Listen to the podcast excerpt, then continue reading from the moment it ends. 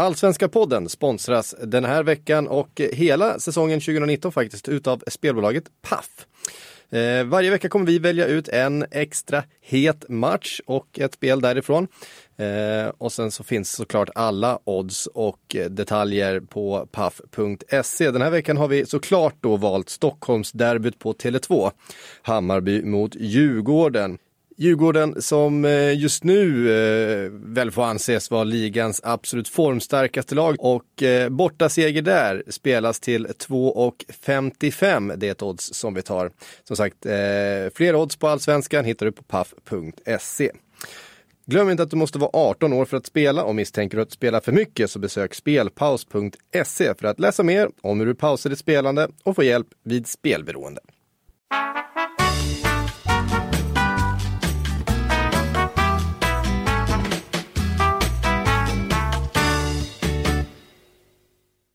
Hej och välkommen till Allsvenska podden i samarbete med Robert Laul och Per Boman. Det är jag som är Laul och du som är Boman. Hej Per! Hej! Idag ska vi prata om AIKs bästa insats hittills i Allsvenskan. Ändå förlorar de mot Örebro med en rakbladsvass Rogic. Om ett Malmö som är inne i segerlunken och gör jobbet. Eller om Djurgårdens ramstarka defensiv. Vi ska prata om nynya Blåvitt. Vi ska beta av den här supporterprotesten som ingen riktigt verkar bry sig om. Och vi ska prata om en hel del annat. Men först en spaning Per Boman. En alldeles underbart nördig spaning har du idag. Det handlar om bristen på anständiga tv tv-sammandrag från allsvenska matcher. Ja, men det är någonting som jag har stört mig, stört mig på i, i många, många år. Jättelänge till och med. Eh, för det är verkligen en, en av få saker som irriterar mig så mycket som man kan, som man kan tala om en renodlad ilska. Eh, som får en att liksom och, och vilja svära framför datorn sådär. Och det är ju då såklart att det inte finns några, som du säger, några ordentliga höjdpunktspaket från allsvenska matcher. Det fanns en tid för, för länge sedan då när SVT hade väldigt långa reportage från, från enskilda matcher, men det var inte så fulla omgångar. Eh, och även Fotbollskanalen hade ju för några år sedan längre, längre så att säga highlights som var kanske sex eller sju minuter långa i bästa fall och det kändes ju oerhört lyxigt att man kunde kolla på ja, östersyrianska och få se det mesta. Men sen fyra, fem år tillbaka, kanske fyra år tillbaka så då får man inga eh, rejäla highlights. Man får två, tre mål per match eller så många mål det är. Man får ett rött kort om det är något sånt. Kanske en straffsituation. Men i övrigt får man ingenting alls. Och jag tycker att det är otroligt torftigt. Eh, så ska man skaffa sig en uppfattning om en matchjävel så, så måste man antingen se den 90 minuter eller så får man då nöjas med de här meningslösa höjdpunkterna. Eh, och jag tycker att det är liksom dåligt helt enkelt av, av de som har rättigheterna till att visa klipp att inte bara se till att det finns, säg mellan 10 och 12 minuter långa höjdpunktssvep från, varje enskild match i allsvenskan. Om alla andra ligor kan, kan klara av att och, och ge eh, supportrar eh, det så borde även Sverige kunna göra det sett med vår ja, så att säga, digitala spetskompetens som ändå ska finnas i det här landet. Så jag vill säga att jag kräver minst 10 minuters långa höjdpunkter från alla allsvenska matcher. Allt annat är någon typ av kulturskymning och ett bevis på att vi inte tar serien på allvar. Så därför vill jag säga att SEF och alla klubbar kan skita de här jävla managerspelen, satsningarna på e-sport och allt det där kramset vid sidan. Jag tycker att de ska kräva att de som köper rättighet till allsvenskan också ska fixa ordentliga höjdpunkter. Håller du med?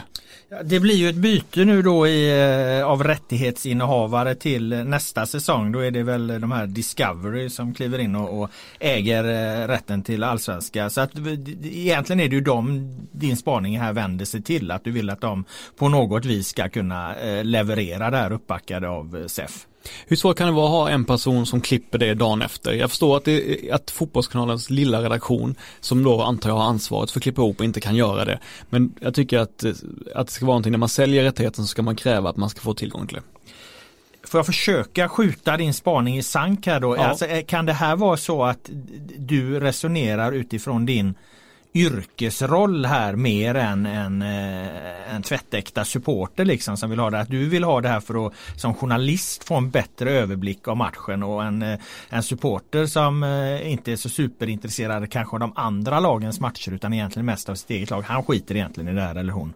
Kan vara lätt att tro det, men eh, jag vill ändå minnas att även när jag inte jobbade med det här, alltså pre 2012, så var jag minst lika sugen på att se långa highlights-svep. Så nej, det, jag köper inte den eh, invändningen. Då får vi se om du har liksom om du bottnar i folkdjupet med den här eh, spaningen då ifall du, du väcker någon form av vilande opinion som nu eh, lyfter sig och, och, och, låter sig höras. För det är inte så att eh, det är inte den här frågan som folk och, eh, och supportrar i allmänhet eh, har, har, liksom stått längst fram i barrik, på barrikaderna för utan det är första gången jag hör någon eh, reflektera över bristen på anständiga matchsvep helt enkelt. Det skulle möjligen vara Marcus Leifby då som tycker att det var bättre på Janne Lorentzons tid men då handlar det ofta om den internationella fotbollen. Och jag behöver inget jävla fotbollskväll, något sånt där krystat format. Jag vill bara ha långa highlights. Så. Då eh, tar vi med oss den spaningen Per Boman. Tack så mycket och eh, ger oss in på dagens ämnen. Och eh, ämne 1, vi börjar lite kronologiskt här utifrån matcherna, hur de spelades. Och jag var ju på plats på Bern Arena på långfredagen. Det var soligt, det var mycket folk, det var ett stort bortafölje. Många AIK-are, nästan 4000 på Bern Arena, totalt över 10 000 på den matchen. Och Örebro vann med 2-1 eh, i en dramatisk fotbollsmatch där jag är inne på att det här var AIKs bästa insats hittills i allsvenskan. Eh, blir du förvånad? Har du hört någon annan påstå något liknande eller vad ja, jag, vill, jag vill säga att jag, jag har märkt av att det finns en, en delning, en splittring bland fansen där, ja. där, där många manar till, till eftertanke och säger just det som du säger att det var en bra insats medan andra säger jag skiter ifall det var en bra insats, vi kan inte acceptera eh, stryk borta mot Örebro. Så jag vill ändå säga att det finns en, eh, ja, ett, ett visst antal som, har, som köper det du kommer säga nu då antar jag. Ja, eh, det, är ju det här eviga då eh, prestation kontra resultat. Jag har varit väldigt kritisk mot AIK eh, under hela, hela det här året egentligen. Jag har egentligen inte tyckt att de i, no, i no, någon enskild match egentligen fått till sitt anfallsspel särskilt bra. Du har sagt att det kommer, det kommer. Jag har svårt att se de tendenserna. Men i den här matchen mot Örebro, där tycker jag verkligen att man ser tendenserna till att AIK kan ha ett bra anfallsspel. Hur viktig var, vi satt ju förra veckan och sa, eller jag sa att jag tyckte att Ado hade varit dålig i mm. säsongsinledningen. Hur mycket betyder det att Sebastian Larsson tog hans roll och på så sätt öppnade upp för ännu mer offensiva spelare framför Nej, honom? men det är ju en korrekt spaning alltså. Ado, Norlingen hade petat Ado och Silva var inne istället.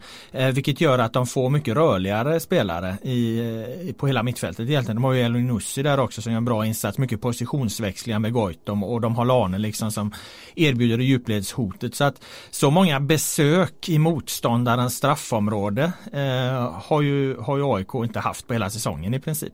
Och de kommer ju till ett par, ett par tre, fyra eh, mål, riktiga, riktigt heta högkvalitativa målchanser bara i första halvlek när de, när liksom, när de har energi, när energin är på topp och så. Det är, det är varmt alltså, det är varmt på plasten där ute så att de mattas, mattas ju lite men alltså här gör de ju det, det, det de kan göra med så många rörliga och offensivt skickliga spelare på planen. Och jag tycker det är nog nästan vettigare att spela så. Frågan är om man behöver, behöver ha så eh, många defensivt starka spelare i allsvenskan egentligen som både Ado och Sebastian Larsson på ett mittfält. Jag, jag undrar, undrar det. Jag tycker att det såg mycket bättre ut. Eh, jag tror att fortsätter AIK på den här vägen eh, så kommer de ju ta sina poäng. Det är skillnad på på segrar och segrar. Eh, jag tror inte den här att Örebro till slut vinner den här matchen säger ju ingenting om hur, hur de, om styrkeförhållandena mellan de här lagen egentligen. Och, och därför blir det viktigt att, att fokusera på prestationen för AIK. Och det är därför jag menar att det här är, jag tillhör det lägret då som säger att det här var deras bästa prestation, deras bästa insats hittills i årets allsvenska.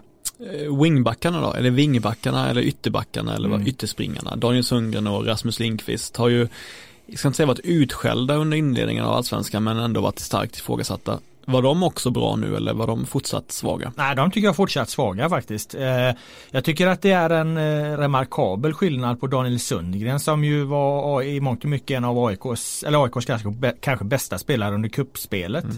Svenska cupen. Men har inte alls varit eh, något vidare bra i, i allsvenska inledningen. Och och eh, Rashidi kommer in i andra halvlek. Han, eh, han tycker jag öppnar upp och, och, jag tycker AIK har råd att spela med, i alla fall mot vissa, vissa motståndare, har råd att spela med mer kreativa spelare även där. Eh, jag vet inte hur mycket Sundgren handlar om att det, det pågår ju uppenbarligen några förhandlingar med, med andra klubbar och så, att det, att det är ett fokusproblem för honom där. Det kan det mycket väl vara.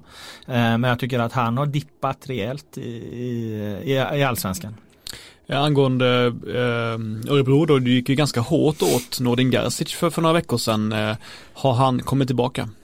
Absolut. Eh, det, det var ju upplagt liksom med, med, med påsken eh, och, och, och sådana liksom associationer att eh, Jesus uppståndelse och grejer. Nej, alltså Nordin Gerzic som jag fullständigt dömde ut efter det jag såg honom mot eh, Djurgården. Med all rätt. Eh, jag menar Buya Turay kom bakifrån och plockade bollen av flera gånger. Han såg eh, ut att höra hemma eh, på en helt annan nivå än den allsvenska. Att han har tappat farten och så. I den här matchen är han jättenyttig och han är, han är dessutom kontroversiellt nyttig för sitt Örebro för att AIK kliver in och dominerar den här matchen såklart för de är bättre på på de flesta positioner. Och när Örebro då lyckas vinna bollen då, har ju, då, då vill ju hemmapubliken, då vill ju de liksom se eh, att det ska gå framåt liksom.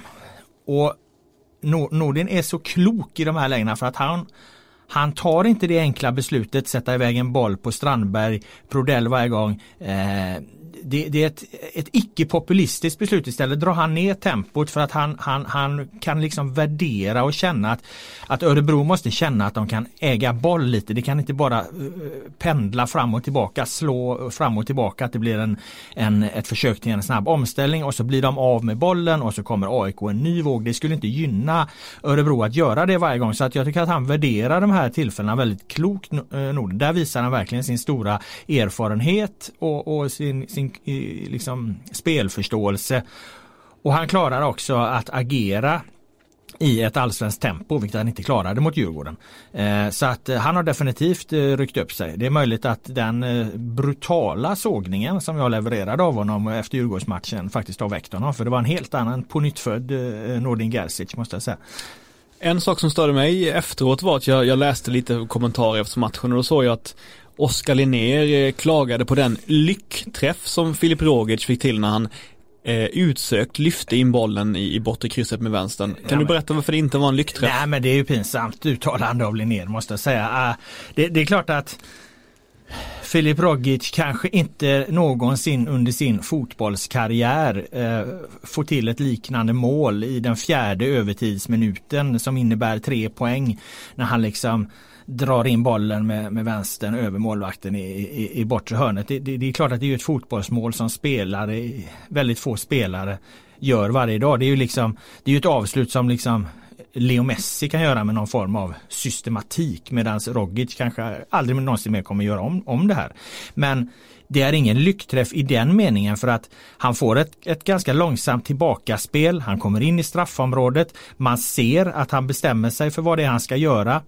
Det vill säga han vill slå en, en, en eh, boll i en båge över målvakten i bortre. Så att det är ingen lyckträff på det sättet för att han utför ju precis det han har tänkt att göra. Mm. Eh, så, så, att jag kan inte säga att det är en lyckträff. Det är ju, det är ju, det, hans plan är ju att sätta den precis där. Sen är det jävligt svårt att sätta den där. Men han visar ju att han i det här tillfället har den kvaliteten så att han kan göra det. Mm. Så att av den anledningen så kan inte jag kalla det en lyckträff är ju mer liksom om, om, om du får till någonting som, du, du, som blir på ett sätt som du absolut inte hade tänkt dig att det skulle bli. Mm. Men det är det ju inte.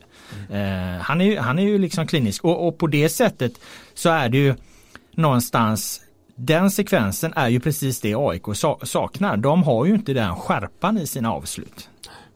Men, men eh, ja exakt, för, för AIK spelar jättebra tycker du hela matchen, ja. eller genom matchen, i ja. grunden en bra prestation. Ja. Men de vinner inte. Nej. Vad beror det på i slutändan? Ja, det är det att de inte har den skärpan i sina avslut. Mm. Och Eh, det har vi inte pratat om tidigare när det gäller AIK, för tidigare har vi pratat om att de inte kommit till sina målchanser. Skillnaden på det här AIK nu, det är att nu kommer de till målchanserna, därför har de tagit ett steg i, rätt riktning. Nu handlar det bara om att, om att ha, ha den skärpan, för att så, har man inte det så spelar det egentligen ingen roll hur många chanser man skapar och då sitter de i ett läge där det står 1-1 i slutet av matchen och då kan Örebro på en omställning i den fjärde övertidsminuten. Då är marginalerna så små att lyckas Rogic utföra det här han vill göra med exakthet, ja då sitter bollen i bortre krysset. Men det finns en större bild också och jag ska ta den kort och, och den handlar inte så mycket om, om, om det här med målchanser, effektivitet och så vidare utan det tror jag är någon slags övergripande eh, sak som AIK brottas med och det är det här att förra året var de laget som jagade Eh, I år är de det jagade laget. Även om AIK alltid i någon mån är jagade så är de mästarna och, och det är liksom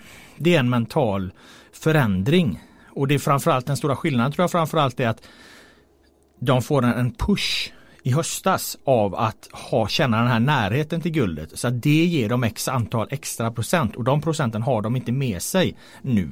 Och det är det de måste förhålla sig till. Och nu fick jag äntligen möjlighet att ställa den frågan både till Rickard Norling och till Henrik Goitom.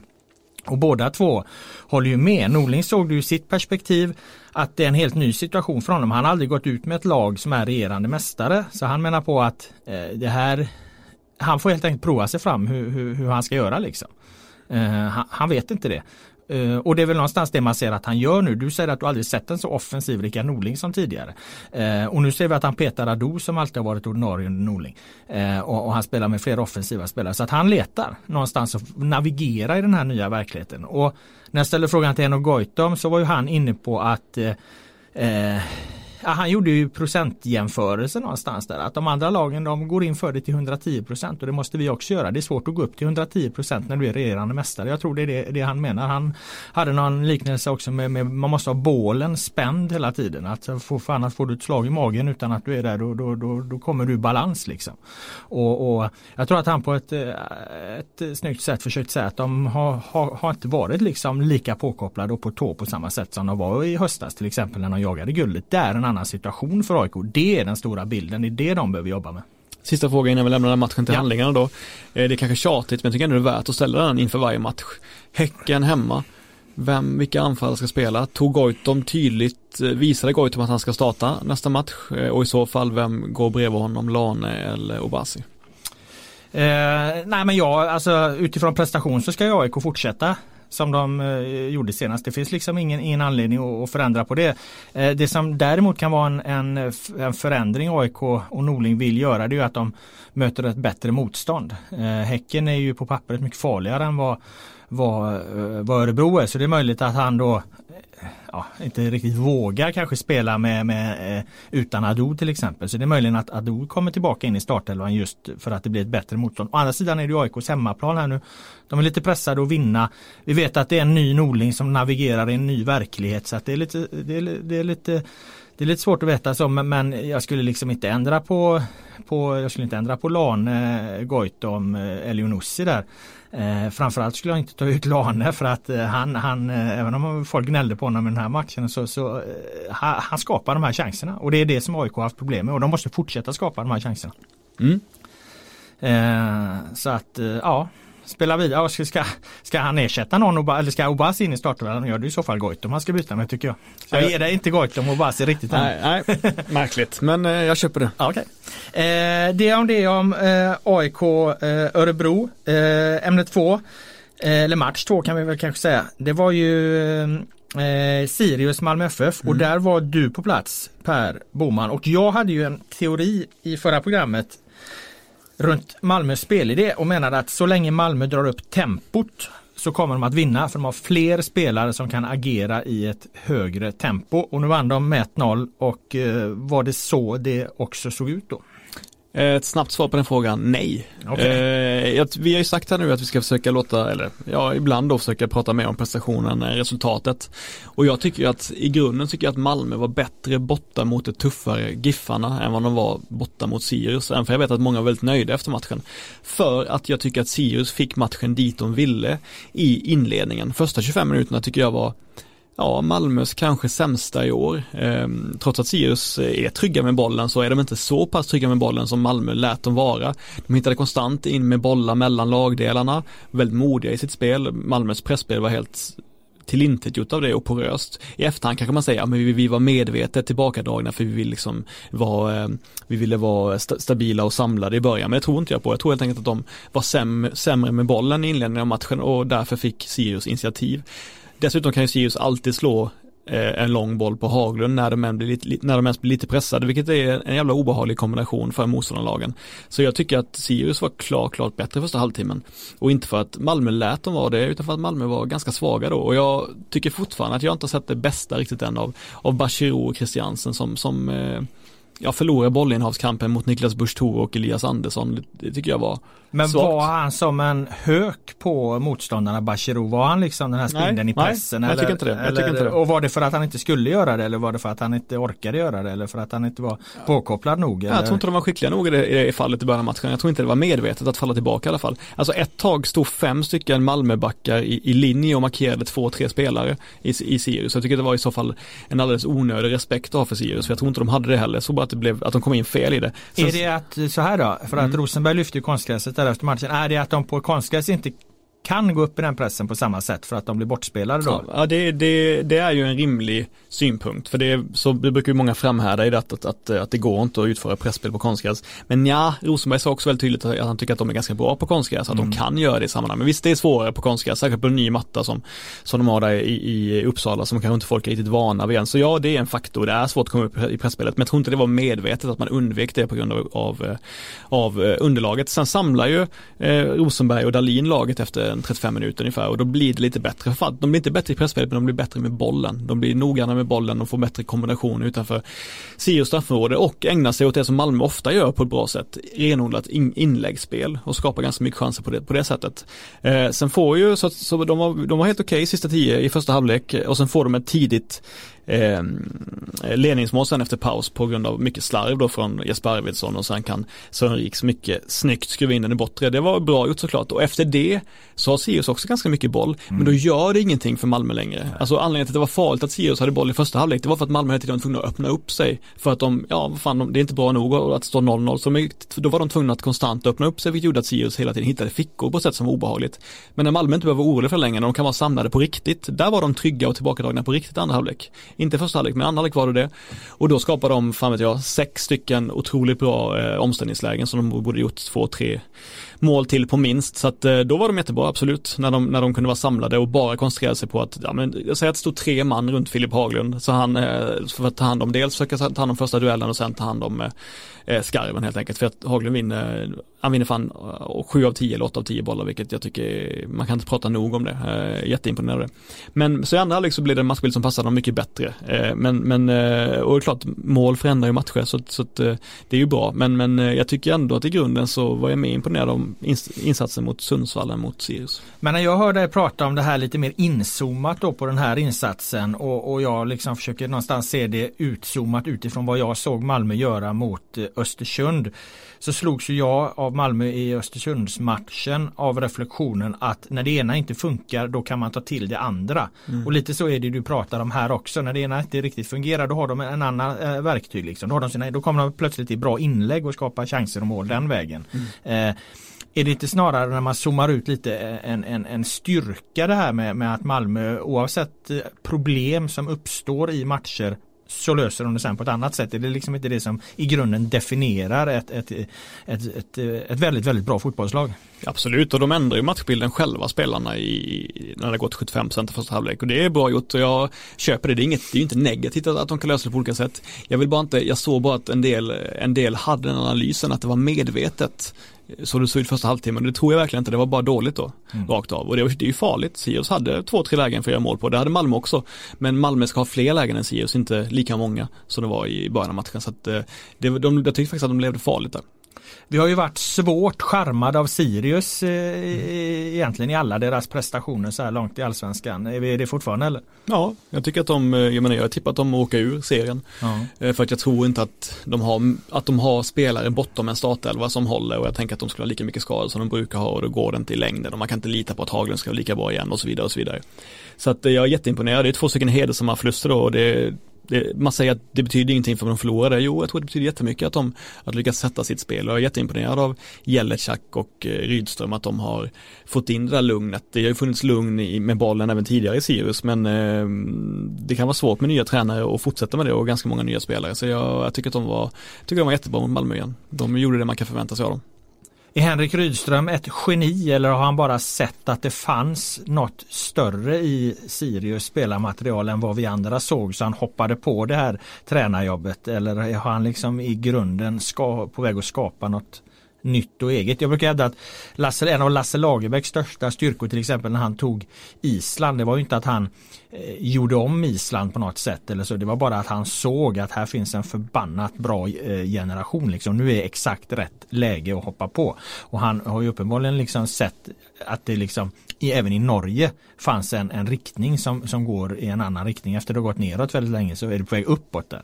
Ja, jag tycker snarare att han har byggt vidare på, eh, på Lagerlöfs och Bergstrands arv då. För mm. de var ju också väldigt, väldigt eh, inriktade på ett possession-spel när de var där, åtminstone de första ett och ett halvt åren i allsvenskan. Så att, eh, nej, jag tycker han har byggt vidare på det och så gör han det bra. Jag menar, det är lätt att säga att man ska eh, spela sig ur Malmös press liksom. För att man borde kunna göra det på konstgräs som man är vana vid. Men det är ju, tänk om man tappar bollen. Det är ju mm. livsfarligt varje gång. Det är ju obe, jätteobehagligt. Så det krävs ett stort mod att faktiskt fortsätta med det.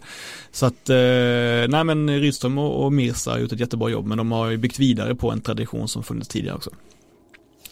Det blir en så kallad radioövergång då till eh, nästa match och lag här där vi framförallt ska titta på Djurgården eh, som ju har just Lagerlöf och Bergstrand som eh, tränare nu. Och jag var på hissingen på Bravida och såg den matchen. Och jag kom ju någonstans dit med eh, två funderingar kring eh, Djurgården. Och, och det gäller det här att jag har ju liksom haft som ett mantra för mig själv att Djurgården har en startelva för en guldstrid men de har inte truppen. Och jag har också varit väldigt, väldigt nyfiken på att se Djurgården, ag, hur Djurgården agerar mot ett absolut toppmotstånd. Och i den här matchen då som Djurgården vinner med stabila 1-0. Jag tror att Häcken har fem avslut på mål på hemmaplan över 90 minuter. Ett fantastiskt försvarsspel på alla sätt och vis. Eh, alltså alla har ju sett liksom, eller de som såg matchen såg ju det hända och sen kan man också jämföra det statistiskt då där, där det faktiskt är så få eh, avslut mot, mot Djurgården. Så det, det, är ju en genomgående väldigt bra defensiv eh, prestation. Och, och den sker ju någonstans med halva ordinarie laget borta. Eh, så att alltså jag kunde efter den här matchen egentligen inte komma till någon annan slutsats att ja, eh, Djurgården kan verkligen agera mot det allra bästa motståndet. De kan vinna över det allra bästa motståndet. Jag ser inte det här som en eh, om Örebros seger mot AIK var en tillfällighetsseger på, på, på sätt och vis så, så, så sa den här segern någonting om Djurgården.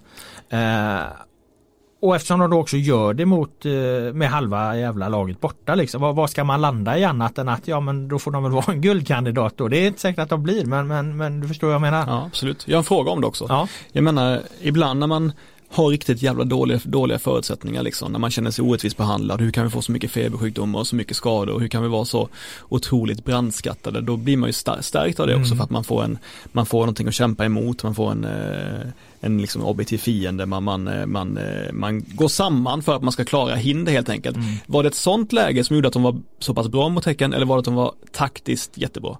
Det var både och.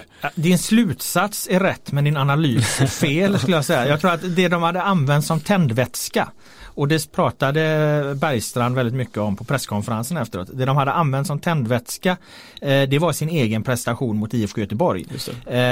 Han beskrev ju det som att när spelarna såg den här matchen och efterhand när de tittade igenom matchen mot IFK Göteborg eh, gemensamt så blev de ju alldeles bedrövade.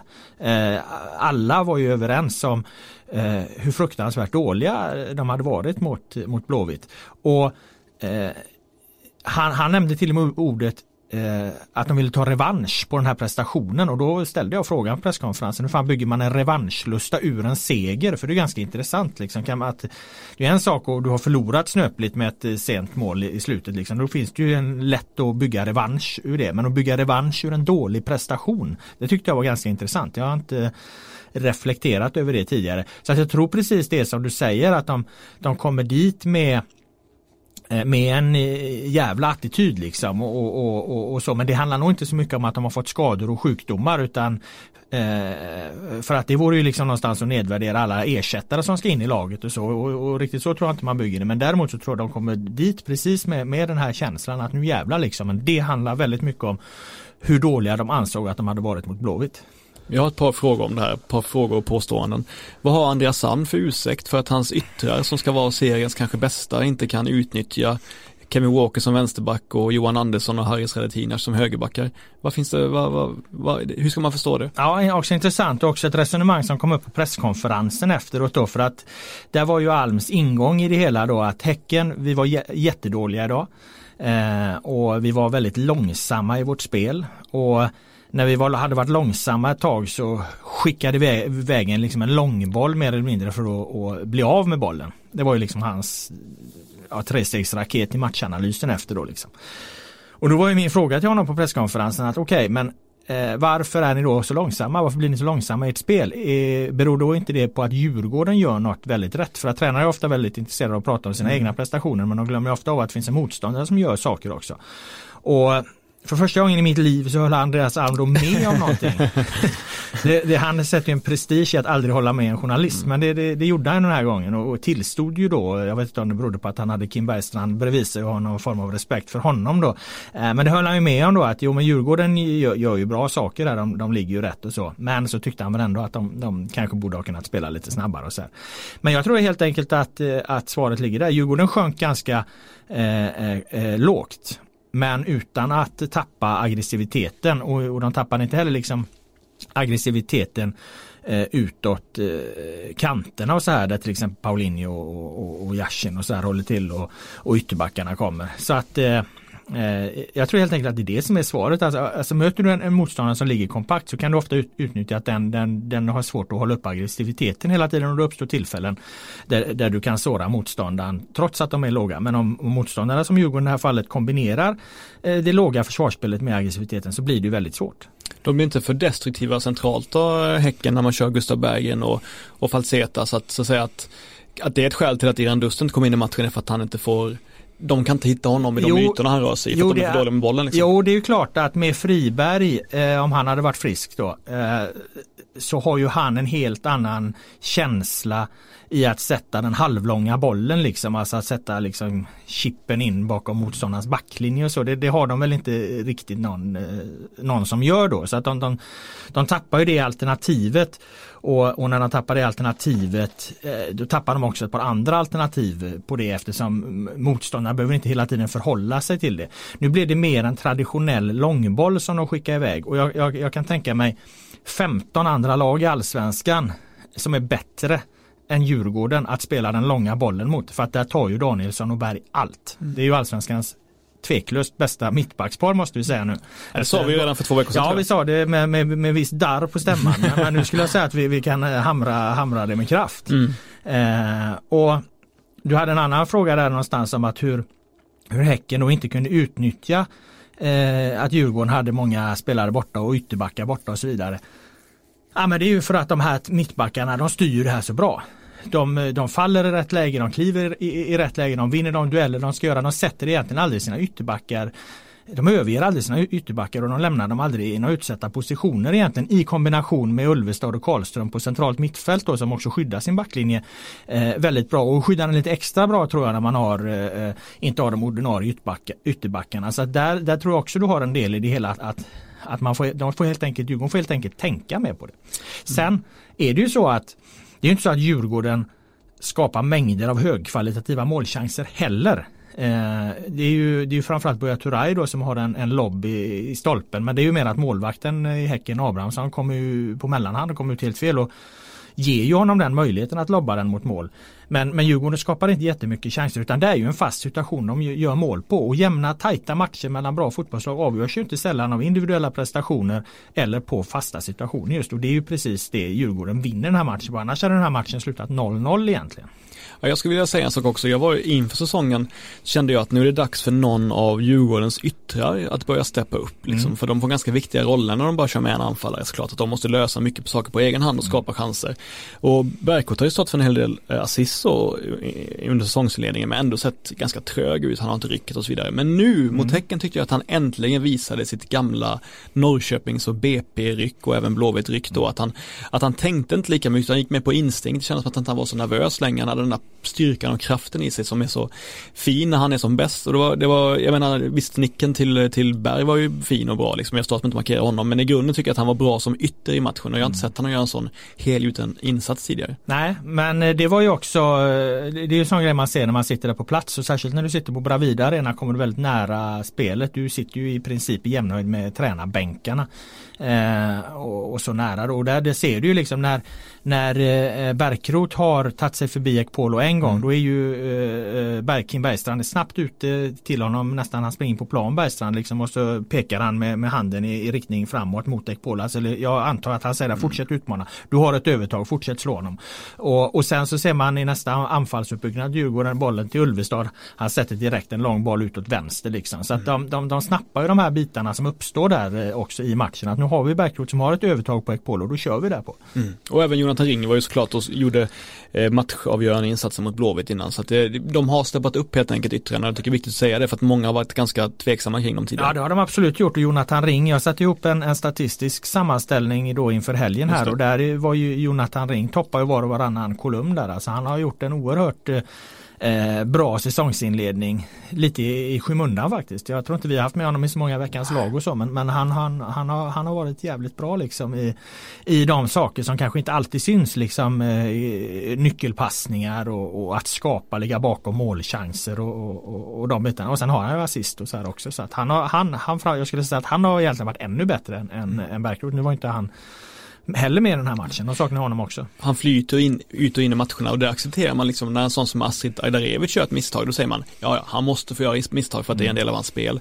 Men om Jonathan Ring gör misstag då tror jag folk snabbare blir kritiska liksom mm. av något skäl. För att de har olika aura, olika kanske roller på planen och sådär. Men Ring är nog en sån spelare som man ska tillåta göra eh, en eller två saker dåliga för varje bra sak han gör. Mm.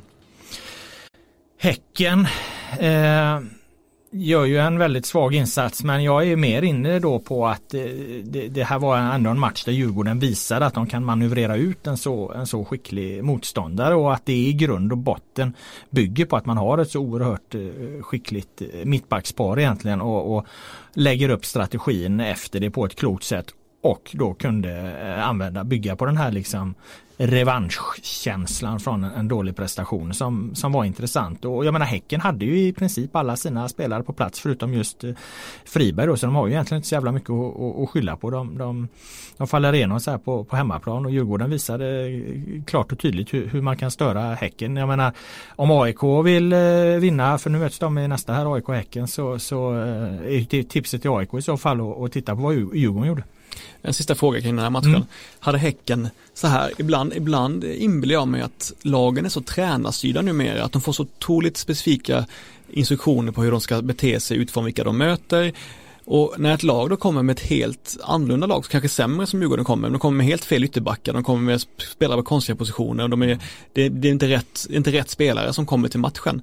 Kan det vara så att, eh, att Häcken skulle varit bättre om de mötte det ordinarie Djurgården än när de mötte det, det mötte liksom brandskattade Djurgården om du förstår vad jag menar. Ja, jag vet inte. Alltså, jag tycker att en, en del lag klarar det här. Vi har pratat om Malmö som kan slå om och göra på olika sätt. Jag tycker även att Djurgården är ett exempel på ett lag som kan slå om och göra på olika sätt. Däremot satt jag precis och funderade på det under matchen. Varför utmanar inte eh, Yashinek Polo eh, mer mot Kevin Walker liksom? Mm. Varför matar de inte på där liksom? Mm.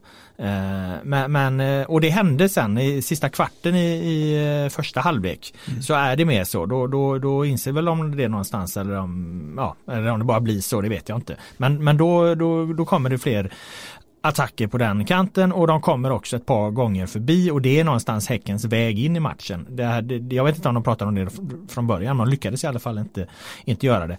Eh, och sen ska man inte glömma heller att oavsett vad Häcken egentligen försöker med när de försöker trycka tillbaka Djurgården och så, så har ju Djurgården fortfarande så bollskickliga spelare med Ajdarevic i spetsen så det är svårt att trycka tillbaka, att få ett sånt lag riktigt tillbakatryckt och skapa det här kvitteringsjaktstrycket på dem för att Djurgården kan alltid spela framåt också. Det kan, kommer du alltid kunna göra så länge du, du har Ajdarevic. För han, är, han vill ha bollen, han gör bra saker med bollen och han har många alternativ med bollen. Han ger sig själv många alternativ med bollen eftersom han har det långa spelet i sig, han har det korta spelet i sig. Nu var det inte så att han på något vis stack ut i den här matchen men, men han finns där hela tiden och är väldigt viktig. En sista grej bara som jag, jag har sagt tre gånger. Ja jag vet men det är, det är så mycket att säga om den här matchen. ja, det var ju sen tidiga seriefinalen så. Ja exakt. Och det blir nya seriefinaler framöver. Det var, eh, jag, jag vill inte kritisera domare, jag tycker inte man ska göra det i så hög utsträckning, men jag, nu gör jag det ändå. jag kände att eh, Bojan Pancic kom helt fel in i den första halvleken. När jag såg matchen på tv, jag har aldrig sett så jag har aldrig sett domare, jo jag har sett domare hamna i så konstiga lägen, men det var så otroligt många onödiga gula kort, så många otroligt onödiga diskussioner. Det kändes som spelaren inte hade någon aning om vad som var linjen, eller överdriver jag då?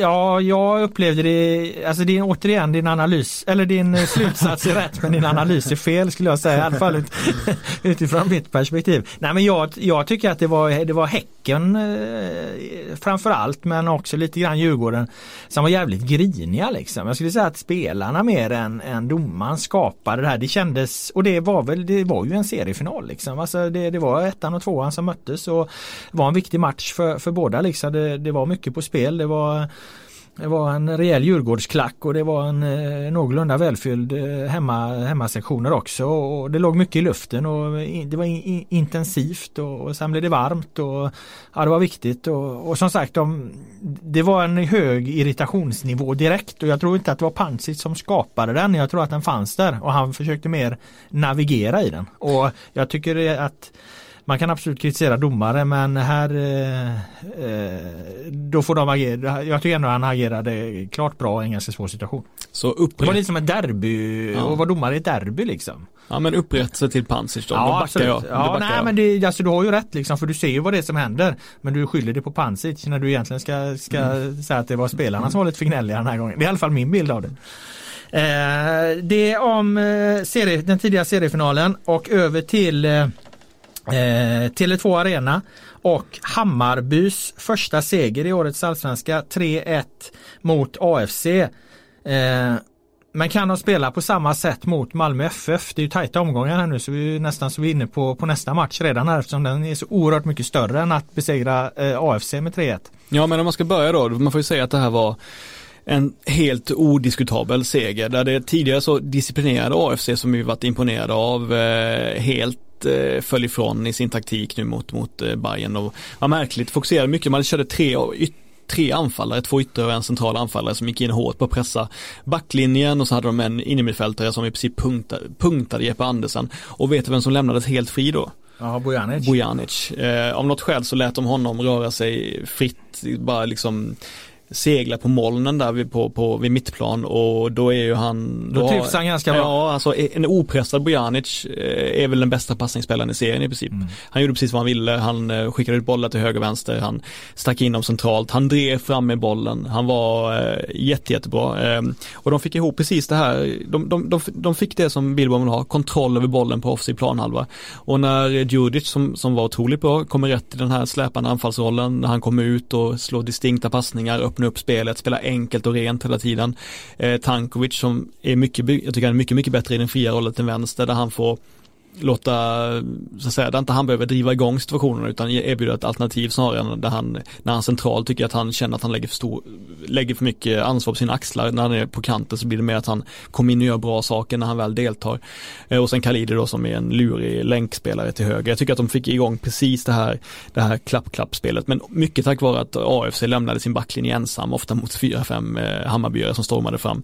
Den här matchen gick ju samtidigt som jag satt och jobbade med mm Eh, Häcken-Djurgården och jag såg, eh, såg den ganska fragmentariskt. Eh, vet du vad min bild var? Min bild var att Hammarby var egentligen så överlägsna så att eh, eh det, det ibland nästan blev svårt för dem att ta situationerna och ytorna och utrymmen som på uppstår allvar. på allvar. Liksom. Du vet man hamnar i det där läget mm. man, man, känner någonstans som att man är så jävla mycket bättre liksom så att det blir inte fullt fokus i alla. De hade, hade de liksom hade de metodiskt ja. anfallit mot AFC så hade de haft ett friläge i var och annat anfall liksom. Eller en öppen ja, avslutssituation. Jag och Bank satt och pratade om det på, på läktaren att redan en halvtimme in i matchen började liksom började de slå en extra passning ja, i straffområdet istället för att skjuta ja. på ett sätt som man bara gör när man är helt säker på att man ska vinna. Eh, vilket, ja, kanske är dumt att man gör redan då, men jag förstår det. Det var liksom, det, det var Hammarby när det som bäst, var lekfullt att se dem. Det fanns liksom ingen eh, yttre press, utan det bara var folk som tyckte det var kul att spela fotboll.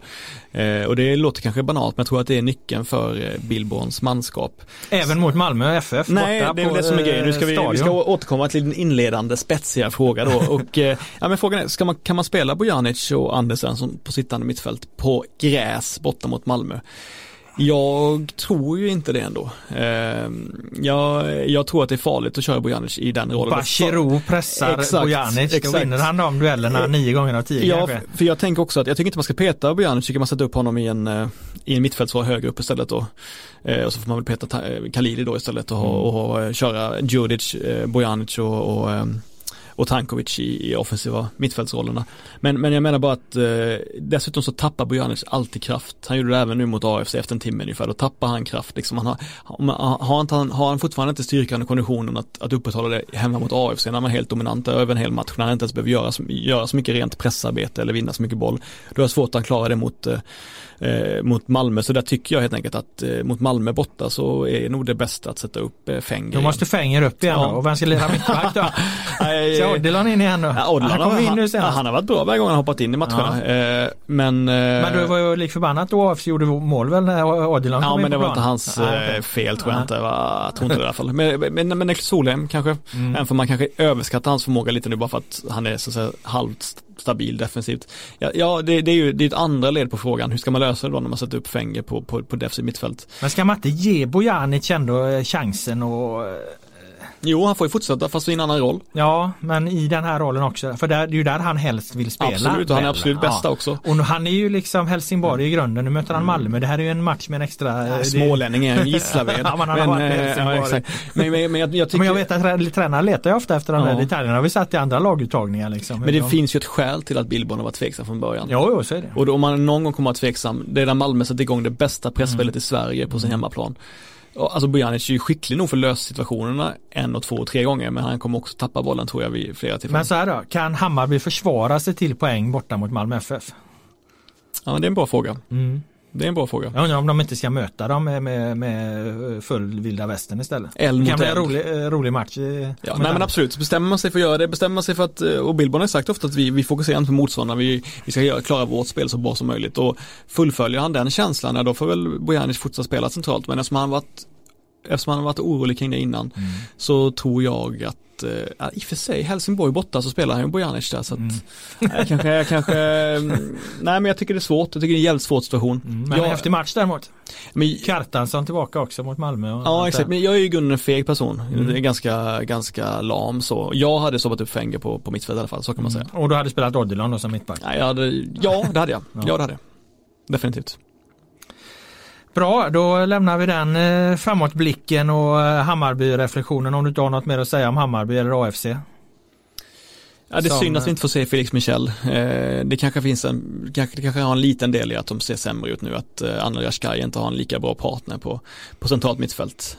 Man, kan, man kan misstänka för det. Och jag kände också att jag har inte tänkt, tänkt på det tidigare när jag sett AFC, men nu tycker jag de spelar lite mer för sig själva Mm. än tidigare. Jag tycker det var lite mer ta egna avslut, lite mer briljera själva för att få ett nytt kontrakt i Allsvenskan nästa år eller vad det nu är liksom. Jag, jag kände inte att det var samma helhetsarbete gemensamt. Adenaris var jättefin i omgångar men han är också en av norra Europas själv, mest själviska spelare skulle jag säga liksom. Så att det finns eh, Nej, jag, jag, var lite orolig när jag såg att det inte var samma samsyn mellan spelarna i hur man ska agera i Men försvarsspel. kan det inte vara så här att eh, de har ju ridit på någon form av framgångsvåg som ju höll, eh, liksom, den höll sig i superettan och den eh, fortsatte in i, i, genom Svenska kuppen och den fortsatte i början av allsvenskan men för någon gång tar det ju slut liksom. Och Nemanja Miljanovic har ju varit väldigt skicklig på, på att utnyttja det här liksom och, och rida vidare på den här vinnarkänslan de har haft och så men, men nu börjar den liksom nu börjar den glida dem ur händerna lite mer och, och, och då syns också de här bristerna som de genom det lyckats sminka över tidigare tydligare. Ja absolut, men så är det ju ofta för nykomlingar. Man får köpa att de kommer falla igenom, falla igenom ganska ofta. Vi kommer ju återkomma om nykomlingar så vi kan väl säga vad, vad vi tycker om det sen. Absolut, vi har en läsarfråga om det men den ska vi ta efter vi är klara våra, med våra ämnen för att vi har ett sista här då och det handlar om IFK Göteborg Helsingborg då på Ullevi. Eh, en match som jag var på. IFK Göteborg vann med 3-1 och eh, jag skulle vilja börja med att det är ju en jätteskillnad på IFK Göteborg i år eh, jämfört med i fjol. Alltså om, om man bortser från den här premiärkollapsen då mot eh, AFC så har de ju spelat tre matcher nu då med liknande prestationer och man brukar ju säga att tre matcher är en trend eller åtminstone början på en trend och där har Blåvitt visat att de har en plan hur de ska spela och de klarar av att utföra den planen. om man börjar kolla med då hur de ställde upp, eh, alltså formationen 2018 jämfört med formationen 2019 så eh, hade de en 3-4-3 formation under större delen av, av 2018 som de aldrig riktigt blev trygga i i positionsspelet. Eh, för att de inte riktigt enligt mig hade spelartyperna för det. Nu har de ju ett 4-2-3-1 som i defensiven mot Helsingborg i alla fall nästan är ett 4-4-2 för att Packa Lagemyr kommer upp så högt i pressen ihop med Vibe och Nygren och eh, Josef som var på eh, kanterna. De, kommer, de sjunker ganska långt ner liksom som mer traditionella eh, yttrar på ett, på ett mittfält. Eh, men det är ett 4-2-3-1 i alla fall eh, kan man säga och där de har väldigt tydliga roller eh, alla spelare. Eh, de har ju alltså sittande mittfältare i August Erlingmark och, och, och Jons Barny som skyddar fyrbackslinjen på ett helt annat sätt eh, än, än de gjorde under 2018. Bara det är ju en jätteskillnad. Jag vet att i Svenska cupen-matchen mot Örebro så, så spelade de ju eh, liknande men då hade de bara liksom en spelare som skyddade backlinjen. Då släppte de in tre mål på 30 minuter eller vad fan det var. Nu har de två mm Mom deserves the best, and there's no better place to shop for Mother's Day than Whole Foods Market. They're your destination for unbeatable savings, from premium gifts to show-stopping flowers and irresistible desserts. Start by saving 33% with Prime on all body care and candles. Then get a 15-stem bunch of tulips for just $9.99 each with Prime. Round out Mom's menu with festive rosé, irresistible berry chantilly cake, and more special treats. Come celebrate Mother's Day at Whole Foods Market.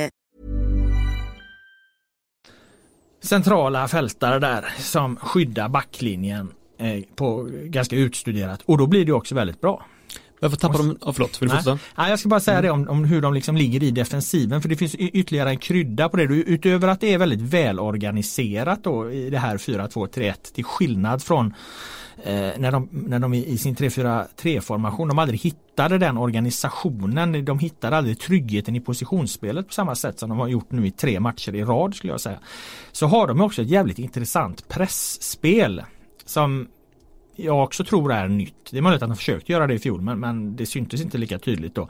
Men, men nu var det ju Lasse Vibe då som utgår i pressen som någon, någon anfallsspets, sätter press på Helsingborgs backlinje när de har bollen. Sen kommer Paka Lagemyr upp och, och, och, och tar nästa liksom eh, del i pressspelet ifall, ifall Helsingborg rullar vidare. Och sen sjunker de som sagt in och ganska lågt med yttrarna så att de blir ganska eh, kompakta i mitten så att där finns inga, inga vägar framåt. Och här har ju både Djurgården och Helsingborg efteråt stått och pratat om att vi var så himla dåliga och vi blir stillastående och så vidare. Återigen, det beror ju på att motståndaren gör någonting. Och varken Djurgården eller, eller Helsingborg hade ju något naturlig lösning på hur de eh, ska spela upp liksom, hur de ska komma vidare när de har bollen. Och det gör ju att IFK Göteborg får väldigt bra eh, omställningslägen. De gör bollvinster i bra lägen. Och den här typen av sylvassa omställningar som, som de har haft i år, Blåvitt, det har de ju inte haft på det sättet 2018. Så det är också en jättestor skillnad jämfört med hur det såg ut i fjol.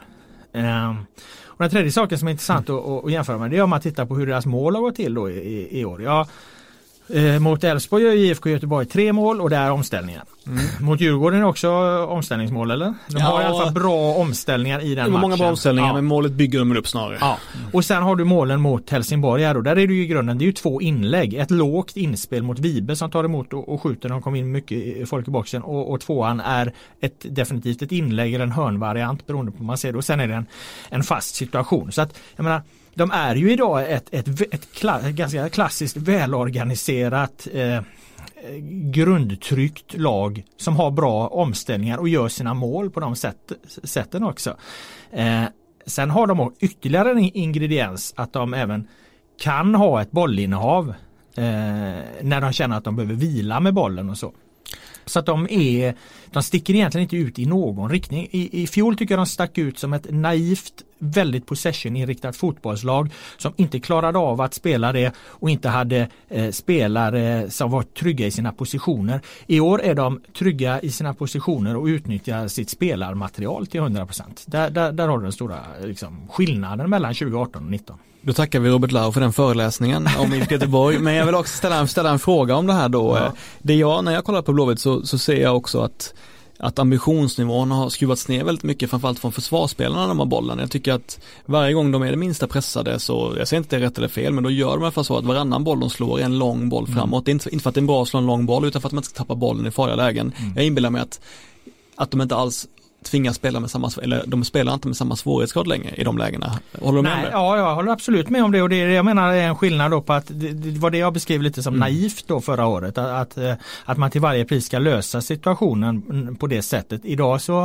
eh, är det bästa sättet att lösa en situation och, och skicka iväg en lång boll, ja då, då, gör man det på ett helt annat sätt vilket innebär att de sätter sin backlinje i extremt mycket färre oskyddade situationer.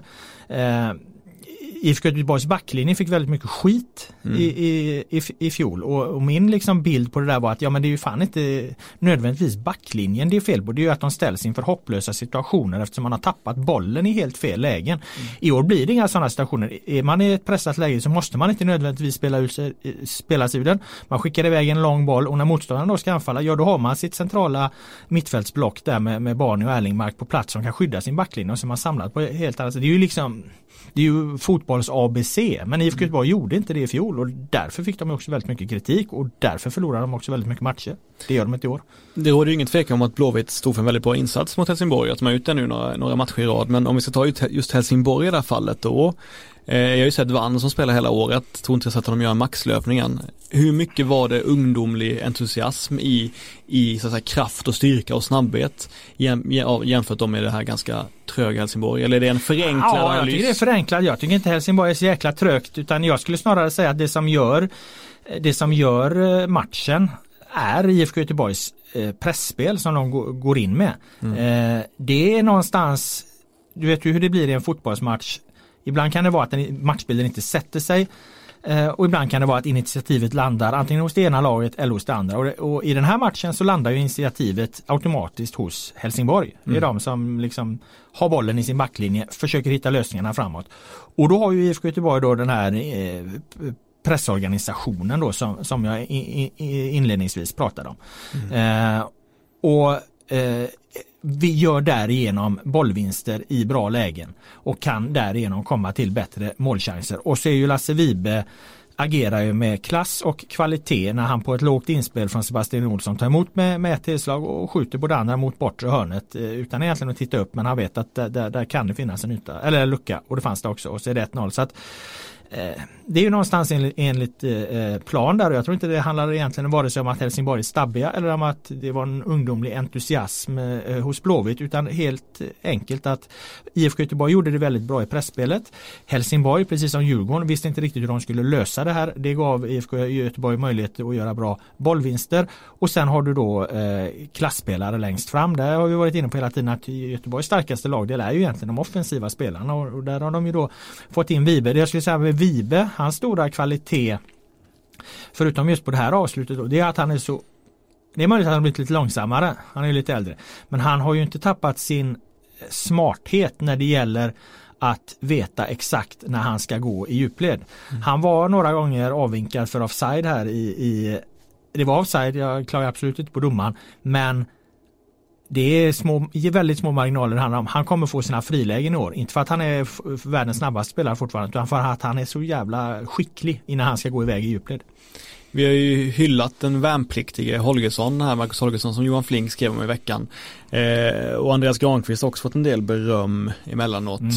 Var de dåliga eller? Ja det var därför jag med kraft eh, hamrade fast att Djurgårdens mittbackspar är seriens mm. bästa eftersom eh, Granqvist och, och Holgersson eh, ja men blev liksom så avslöjade i, i den här matchen. Mm. Så de är jättebra när de får spela på fysik och, och, mm. och, så här. Men liksom när det går lite fortare och det blir lite omställningar och, och så här då, då är det klart att det är inte deras starkaste sidor att möta den typen av lag. Så att Helsingborg har ju mycket svårare att, att möta ett, liksom ett omställningsskickligt, rörligt anfallspar än, än när de kanske får stå och nicka bort bollar i boxen givetvis. De borde, haft, de borde haft större problem med Bayern kan man tycka till exempel. Och kommer väl ha det kanske på bortaplan med Bayern? Ja, det, det, det, det, tror jag. Men eh, samtidigt så hade Samtidigt så var det, det, den matchbilden mot Hammarby, där var det ju Hammarby som hade initiativet. Mm. Där fick de stå ganska samlat och, mm. och där kommer när Hammarby hittar ju liksom, det var inte så att Hammarby kom till omställningslägen mm. utan det blev ju egentligen att Hammarby spelade runt och satte liksom in bollen. Mm. Ja, och, och då kunde de där. Nu var ju liksom initiativet över på Helsingborg, det var Helsingborg som fick gå upp, det var Helsingborg som fick blotta sig, det var IFK Göteborg som stal bollen och, och, och, och kom med de här lägena. Då. Så allt beröm då till, till Poja och Ferran för de här tre matcherna då? Ja absolut, alltså det, det, är ju som jag var inne på, det är en radikal skillnad mot eh, hur IFK Göteborg såg ut eh, 2018 nu i de här tre matcherna då. Eh, fortfarande har vi ju premiärmatchen men, men om vi sätter in den på kontot eh, premiärkollaps liksom så, eh, så har de nu i tre matcher i rad gjort ungefär samma sak. Det vill säga de har gjort tre bra prestationer. De har fått med sig resultaten i två av de matcherna och då är det ju början på en trend. De gör det de de har kommit överens om och de har hittills klarat att eh, utföra det. Sen så tänkte jag så här bara, ja men visst de Invändningen kan ju vara då att om de åker på en kraftig motgång och så hur de ska resa sig efter det och så men å andra sidan de fick ju den motgången i premiären och visade att de studsade tillbaka ganska bra. Jag tror inte att man ska underskatta den kraften som det här laget har kunnat bygga kring att de har varit nederlagstippade. Jag tycker Nej, att de tar upp, det väldigt, tar upp det väldigt mycket, spelarna, att, att det är ingen som tror på oss, ingen som tycker att vi är någonting och även fansen hamnar, hämtar ju väldigt mycket styrka från det. Så det, jag inbillar mig att det har varit en, en bra morot. Ja, så är det ju och de har ju många år har ju, har ju liksom förväntningarna på IFK Göteborg har ju liksom, det har ju varit lite skevt och jag vet mm. Sebastian Eriksson var ute och pratade om det när han fortfarande var proffs i, innan han kom hem då att, mm. att att eh, förväntningarna blir helt skeva på IFK Göteborg om, om, om de ska tippas som ett topplag varje år alla de här bitarna. Så att eh, nu har då väl liksom förväntningarna varit mer realistiska på dem då. Då kan de som du säger utvinna kraft ur det istället. Mm. Eh, det var våra fem ämnen Boman men mm. vi har fått en strid ström av eh, frågor eller lä läsarreaktioner. Det har varit mycket på sociala medier. Men däremot tänkte jag börja med eh, tesen att en utebliven läsarreaktion är också en läsarreaktion. För att det jag inte har fått en enda fråga om det är eh, supportrarnas eh, polisprotest som jag då menar ingen riktigt bryr sig om. Jag har ju suttit på ett par matcher här nu och hört hur klackarna har skanderat att alla hatar polisen och för mig blir det lite skämskudde för jag undrar mest hur gamla är de egentligen, de 12 eller? Jag tror att det blir svårt att mobilisera folk mot polisen förutom de då allra mest indoktrinerade. Jag hade gärna backat fansen och vissa föreningar om de undvikit sådana uttryck men framförallt om de visat en ärlig vilja att bli av med illegal pyroteknik. Men jag kan aldrig stå bakom något som är olagligt och jag tycker inte heller att polisen kan ju inte bara stå och titta på när det sker uppenbara lagbrott utan måste ju på något sätt agera mot det. Det tycker jag är självklart. Det handlar liksom om respekt för våra demokratiskt beslutade lagar. Sen kan jag absolut stå bakom civil olydnad, givetvis, men då får ju människor sluta maskera sig och stå för det, ta sina straff och så, då blir det en annan diskussion. Med det sagt så landade polisen helt snett kring GIF Sundsvall tycker jag. För att är det någonstans det inte är problem så är det väl ändå i, Sundsvalls klack. Så att Free patronerna här, muckar de med patronerna då muckar de med mig också. Ja, men, ja, intressant inledning här. Jag tänker att du har väldigt många goda sidor Robert, väldigt många. Men en sida som kanske är svagare ibland är att du ofta mäter en aktions eller en, en handlingsstyrka i vad den får för respons. Alltså det, du, ibland har du en medialiserad, tycker jag, syn på vad som får genomslag och inte får genomslag. Jag tänker så här, när man, förr i tiden i alla fall, när folk gick i första maj-tåg, då gjorde man ju det för att stärka den egna gruppen, så att säga, den egna organisationen, den egna sam samvarokänslan, att vi gör någonting ihop. Och det var ju det viktigare än vad DN refererade från Tage Lande och Olof Palmes tal, eller vad fan det nu var som höll tal. På det samma sätt tror jag här att supporterrörelsen kan stärka sin hårda inre kärna med hjälp av den här, alltså jag, jag inbillar mig att det har varit en jättestor intern samling bland de mest engagerade supportrarna och de är ganska många ändå. De har ju mycket makt på läktarna, eller all makt på läktarna. Så jag tror att... Så de känner att de egentligen, för dem har det här varit väldigt bra för att de har visat att de har gått ihop liksom. Ja, bra vet jag inte, men jag tror att det har varit ett, en möjlighet att stärka i alla fall mm. de grupperna och jag, jag tycker att det har varit en ganska, en väldigt stark sån och snabb eh, reaktion från de grupperna och de har lyckats bygga ganska mycket enighet kring det här. Men är den inte banal när man sjunger alla hatar polisen? Jo men det är, det är ju en alltså, annan, jo, det liksom? men, man, men jag tror inte att det är, man kan, man, kan nog inte, man kan nog inte säga att hela den rörelsen eller all den mobiliseringen handlar om just den ramsan. Det tror jag inte. Eh, så. Eh, jag, jag, jag, jag, bara förstå vad jag menar. Att, Ja, alltså, absolut. Jag köper det. Jag tycker det är bra, ting kan- ja, bra invändning. Jag, och jag jämförde lite med, när var det här då? Det här var väl någonstans 2011, 12 däromkring liksom. Då, då fanns det liksom en, en eh, samling eh, som handlade om att man skulle stå upp för en positiv läktarkultur. Och den vill jag, den, den- jag jämför med den lite grann för att den vann mer kraft. Den ledde till fler debatter. Jag vet vi gjorde en stor artikelserie om det och så vidare. Det var mycket enklare för till exempel media att haka på ifall du står upp för en positiv läktarkultur som ju var det uteslutande i, i det fallet då. Eh, det, det fanns problem med den också visade sig sen. Jag tror att IFK Göteborg och Malmö FF, deras eh, supporter eh, deras supporterorganisationer ville till exempel inte vara med på grund av att det fanns liksom eh, eh, det var firmadrivet i början här för att i, i början skulle man kalla det att man skulle stå upp för en positiv supporterkultur men de ändrade det då till en positiv läktarkultur för att det inte skulle krocka med att det fortfarande kan vara våld eh, utanför arenorna i grusgropar och skit. Men, men på läktarna kunde alla enas om även firmorna på läktarna ska det inte vara något våld. Så att det fanns problem med den eh, manifestationen också. Men den var mycket lättare att och liksom eh, förhålla sig till som journalist. Nu blir det väldigt komplicerat när liksom ett budskap är att man alla hatar polisen och ett annat budskap är att i grund och botten så handlar det här om pyrotekniken och, och det är väldigt svårt som journalist skulle jag säga att, att eh, öppet ställa sig bakom pyroteknik. Jag kan i alla fall inte göra det, alla får göra sina egna val men, men jag har svårt att göra det. Eh, exakt, eh, jag, jag, i den här frågan, men i det här fallet så handlar det väl om eh, flaggorna just liksom. Att, det, att, Ja, jo, att man ser ja. det som en väldigt viktig del av tifokulturen liksom. Men äh, att polisen nu väljer att eh, rikta in sig på flaggor som de anser att gömmer sig. Det bottnar ju ursprungligen i ett försök att hitta en lösning på att få bort eh, pyrotekniken. Absolut, jag tycker också att det var, blev helt fel när, när de, som de gick in mot Sundsvall här då och, och hur polisen agerade i det läget. Men i grunden så kan jag inte säga att polisen gör fel som på något sätt försöker liksom lösa att det pågår uppenbara olagligheter på läktarna som de egentligen bara står och tittar på. Det blir också en konstig signal i ett större samhällsperspektiv att här pågår något som inte är tillåtet och här står det 20 poliser liksom och ingen bryr sig om det. Det blir, det blir, det blir svårt för, för, för polisen att förhålla sig till. Går man inte på just Sundsvall för att man tror att det ska vara lugnt att göra det då?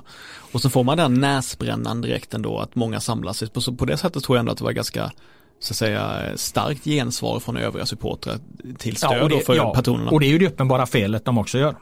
Det är det uppe, eh, uppenbara felet eh, att man siktar in sig på, på Sundsvall då som mig veterligen inte haft några problem överhuvudtaget någon gång någonsin. Nej men de använder, ju, de använder ju py- pyroteknik som många andra gör. Ja, ja. Men eh, det har väl aldrig varit lätt till några bekymmer där. Det har aldrig liksom varit okontrollerat på det sättet eller? Nej, jag har aldrig, aldrig hört talas om någon, om, om någon skandal där. Ja, när man sitter och liksom ser en match och så, det, det brinner någon bengal i något hörn, det ju, nämner man ju aldrig överhuvudtaget i, i, i en text liksom. Utan Nej. det är ju så här stora eh, bränningar där det antingen går fel eller riskerar att gå väldigt fel. Som man, eller de fördröjer matcher då liksom.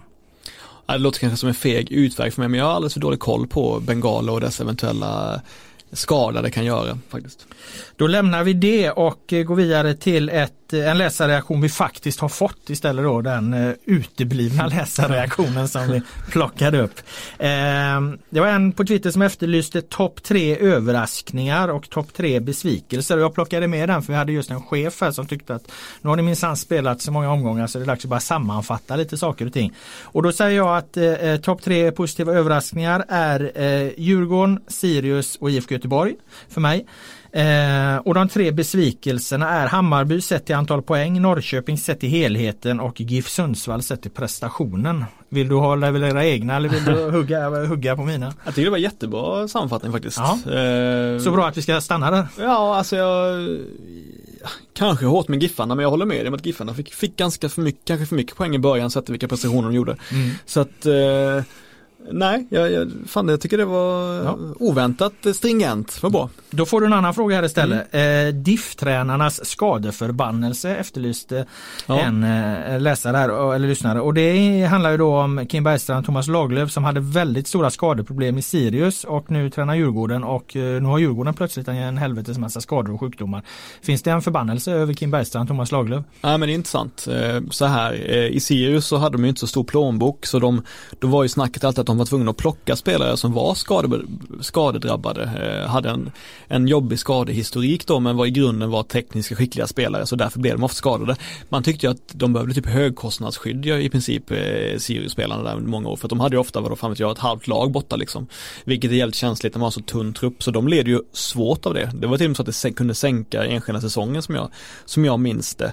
Eh, och det var mycket muskelskador och sånt. Eh, och det, vad, vad hade det varit för typ av skador i, i, i Djurgården? Ja, det varit en del sådana i Djurgården är också, baksidor och, och den typen av eh, jobbiga saker som man är borta någon, några veckor, någon månad sådär. Eh, nu var det ju mycket feber senast mot, eh, mot Häcken så att, eh, nej men så här, det är, jag har inte tillräckligt bra insyn i deras träningsmetodik. Men jag vet att de tränar ganska hårt, de har ganska mycket spel, ganska mycket träna som man spelar och så vidare, att det ska vara högt tempo, att man ska komma in i spelsystemet på det sättet. Det är klart att det kanske sliter, efter, sliter på spelarna när man dessutom har mycket matcher. Det är ju inte omöjligt. Kim Bergstrand kan vara ganska arg också så han står då och skriker på folk som tar i alldeles för mycket på träningarna. Ja, kanske. Det, det, det, det, vi famlar ju i mörkret såklart här när vi ska försöka berätta. Men det, Men det hur som helst är det ju det är ett, ett intressant frö till en eh, artikel, ett reportage, en djupdykning kanske att prata med Djurgården om det ifall det skulle fortsätta. Kommer alla tillbaka här nu så, så är det väl inte så mycket med, med, med det men, men det är ett så kallat frö absolut. som det, eventuellt behöver vattna. Så är det. Eh, vi hade en ytterligare fråga här om apropå eh, vad vi har tagit upp tidigare om nykomlingarna. Är de verkligen bättre i år? Vi var inne lite på det tidigare och eh, jag skulle vilja säga att rungande ja. Förra året åkte ju alla nykomlingar rakt ut och vissa var ju hjälplös efter ganska tidigt. Eh, så kommer det absolut under inga omständigheter bli, bli. Vi kan ju redan slå fast att även om nu Helsingborg förlorade odiskutabelt eh, mot Göteborg senast så, så eh, eh har jag mycket svårt att se. Jag, jag, det är mer troligt att Helsingborg landar på övre halvan än att de åker ur. Liksom. Även här är jag helt enig med Ja och sen skulle jag Eh, säga då även Falkenberg som visserligen har eh, inte tagit så jättemånga, de ligger väl sist Falkenberg så att de, de har ju definitivt inte tagit särskilt många poäng men däremot så har de spelat en bra fotboll och det, Mm. det finns en grundtrygghet i deras offensiva spel. De har alltså 19 avslut mot eh, IFK Norrköping i den här matchen som Mm. verkar ha varit helt galen och ingen av oss sett den tyvärr. Jag följde den på resultattavlan när jag satt på Örebro AIK. Det, är liksom, det plingar hela tiden där. Mm. Eh, och de har alltså 19 avslut mot IFK Norrköping. Eh, mest avslut i hela omgången. Den här senaste omgången hade AIK, de hade 20 avslut mot Örebro. Så det är klart 19 avslut mot IFK Norrköping är väldigt bra. Ja, är men- IFK ja. Norrköping en av besvikelserna. Så att, ja. Men i alla fall, och sen AFC på det då om jag bara får ta dem där så, så Eh, som sagt, de börjar väl dippa lite nu men, eh, men har, ju- har ju redan skulle jag säga visat att de, de håller bättre kvalitet än vad Trelleborg gjorde i fjol. Det är givet att alla de här tre lagen kommer dippa i omgångar men Ja. de kommer åtminstone göra det svårare för motståndarlagen än vad Dalkurd och de andra gjorde förra Ja. året. Det är jag 100% säker på. Sen jag säga någonting om Norrköping som inte tar upp dem. Det är ju, många kanske pratar om Jordan Larsson efter den här matchen som har gjort två mål och utvisad men Kasper Larsen kanske är den mest intressanta spelaren som är inblandad i alla baklängesmål och sen Och alla 19 avslut eller? Eh, Ja men, nej, men, nej, men direkt svag som central mittback om han nu var den här, just den här matchen. Men han, eh, han flankeras ju ofta två andra mittbackar. Han är ju direkt dålig med bollen ofta tycker jag också. Sen är han ju otroligt bra i huvudspelet. Alltså otroligt bra i huvudspelet. Han är nästan Haglund bra fast defensiv. Och han ser ju till att de, att de vinner också men eh, nej, om det är någonting som Jens måste få ordning på så är det de tre mittbackarna och hur de ska funka ihop. Jag fick något mejl eller vad det var om eh, eh, apropå att jag hade skrivit att IFK Norrköping de kan inte spela fotboll på gräs. Jag menar på att jag har, har, har, fel i det för att IFK Norrköping de kan uppenbarligen inte spela oavsett vilket underlag det är. Det var efter den här matchen då när han släppte in tre mål på hemmaplan mot Falkenberg. Och nu Djurgården borta utan Jonna Larsson. Det blir jättetufft. Eh, de allra flesta frågor vi ändå får handlar om eh, huruvida jag ska ändra mitt tips dock. Men eh, lagt tips ligger. Vi utvärderar i november eller efter säsongen. Möjligen i, under sommaruppehållet. Jag testade ju en gång att ta ett flytande tabelltips. Eh, jag skulle säga att det var ingen eh, lyckad idé. Jag tänkte att man skulle se det ungefär som en börskurva som förändrades aktieprognoser, mm. lagens liksom, styrkor. Men det föll väl inte så väl. Schizofren tillvaro plus ja. att jag antar att ens, ens flytande tips blir mer och mer likt tabellen. Ja det blev det ju och det var ingen jävel som var intresserad av det. Så att jag har helt återgått till att lagt tips ligger där nu. Det är möjligen att man får göra någon mindre korrigering i, i, i sommarfönstret om allting skulle gå helt åt helvete. Men det tror jag inte. Lagt tips ligger. Eh, därmed tackar jag dig Per Boman för att du var här och levererade dina kloka synpunkter. Jag tackar alla som har lyssnat och eh, Allsvenska podden är tillbaka efter nästa omgång hoppas vi som är redan på fredag då om vi kan spela in ett nytt poddavsnitt då och eh, gör vi inte det så kommer vi tillbaka som vanligt nästa tisdag. Ha det så bra så länge.